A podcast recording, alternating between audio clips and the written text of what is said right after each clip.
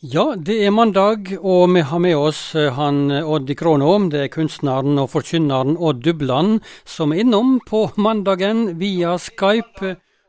Hva har du på blokka di denne mandagen? Ja, For det første så har jeg tenkt litt på hva slags folk er det som hører på oss på radioen.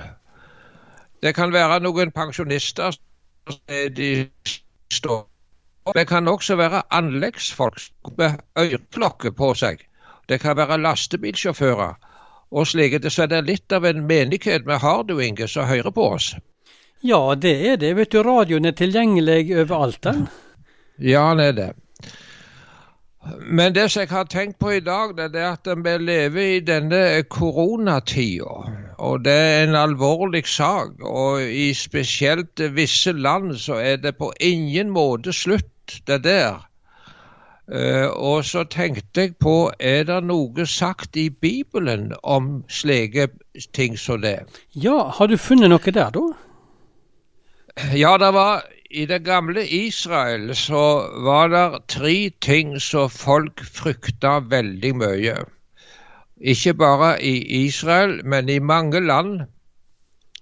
Det var, det var krig, og så var det hunger og så var det pest.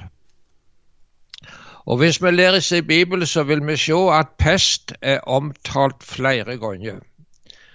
Og nå lever vi i slik en pandemi, og nå har vi vært så heldige i dette landet at uh, vi har fått tak i vaksiner som har hjulpet oss.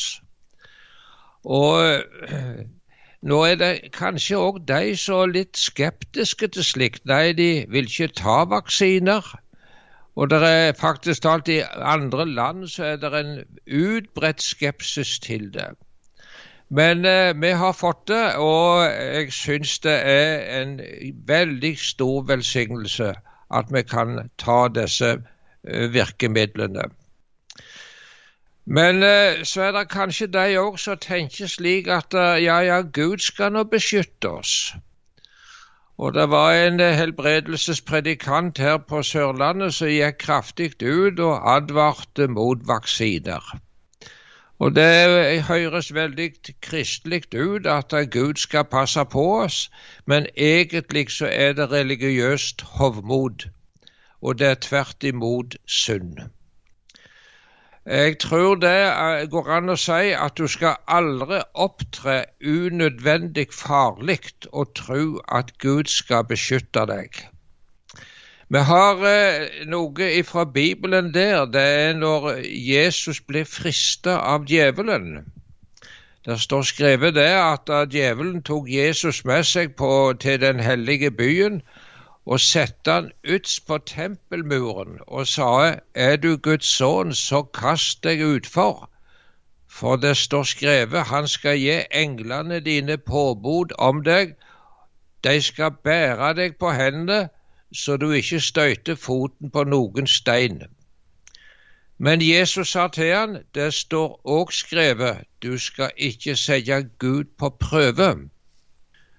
Og det er her så Bibelen kommer med en advarsel til oss, Inge. Vi skal ikke sette Gud på prøve. Ja, eh, si litt, hva ligger det i det? Nei, det hvis en tenker som så at jeg skal vise det at Gud kan beskytte meg, samme hvordan dette er, så tar jeg verken medisiner eller noen ting. Eh, det er til å så være religiøst hovmodig. Og så kom jeg til å tenke på noe som jeg fant en dag her på internett, på Facebook. Jeg har, eh, jeg har en eh, Jeg har slekt i Canada, jeg. Og jeg eh, hadde et søskenbarn. Han heter Olaf Dubland. Han var misjonær i India et langt liv, han og kona. Og så hadde han familie.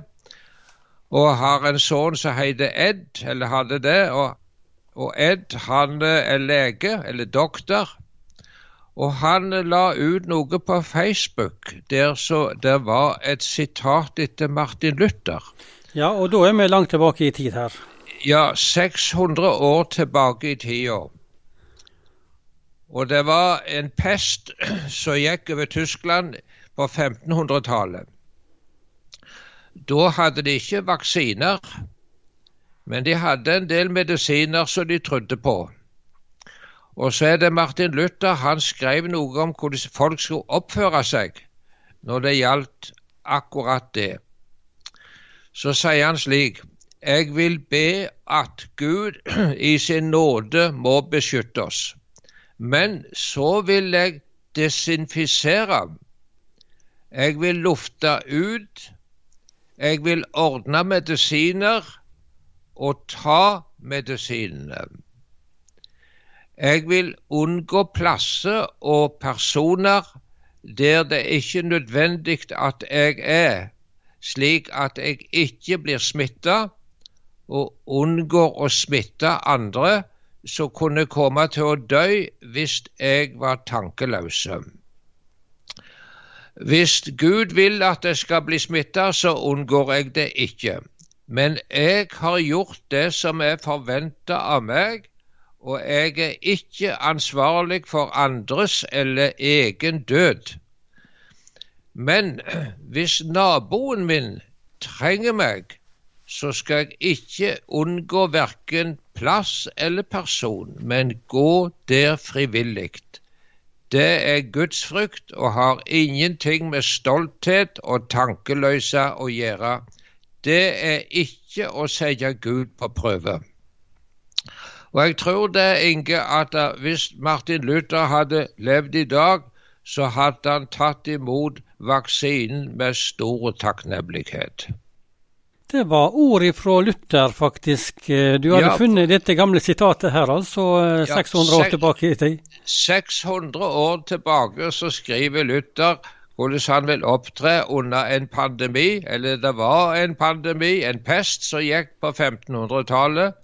Og da er det at Luther han skriver dette som en nå har lest. Så det er ganske aktuelle ting. Og så skal vi være så takknemlige for at vi får bo i dette landet. Der er de som er blitt rammet av sorg pga. denne sykdommen også her. Men vi har blitt spart veldig mye, og vi er takknemlige til helsevesen og til de som har oppfunnet disse midlene som vi kan nytte i denne spesielle situasjonen. Det var litt spesielle ting å ta fram i dag, du Inge, men det kom liksom så for meg.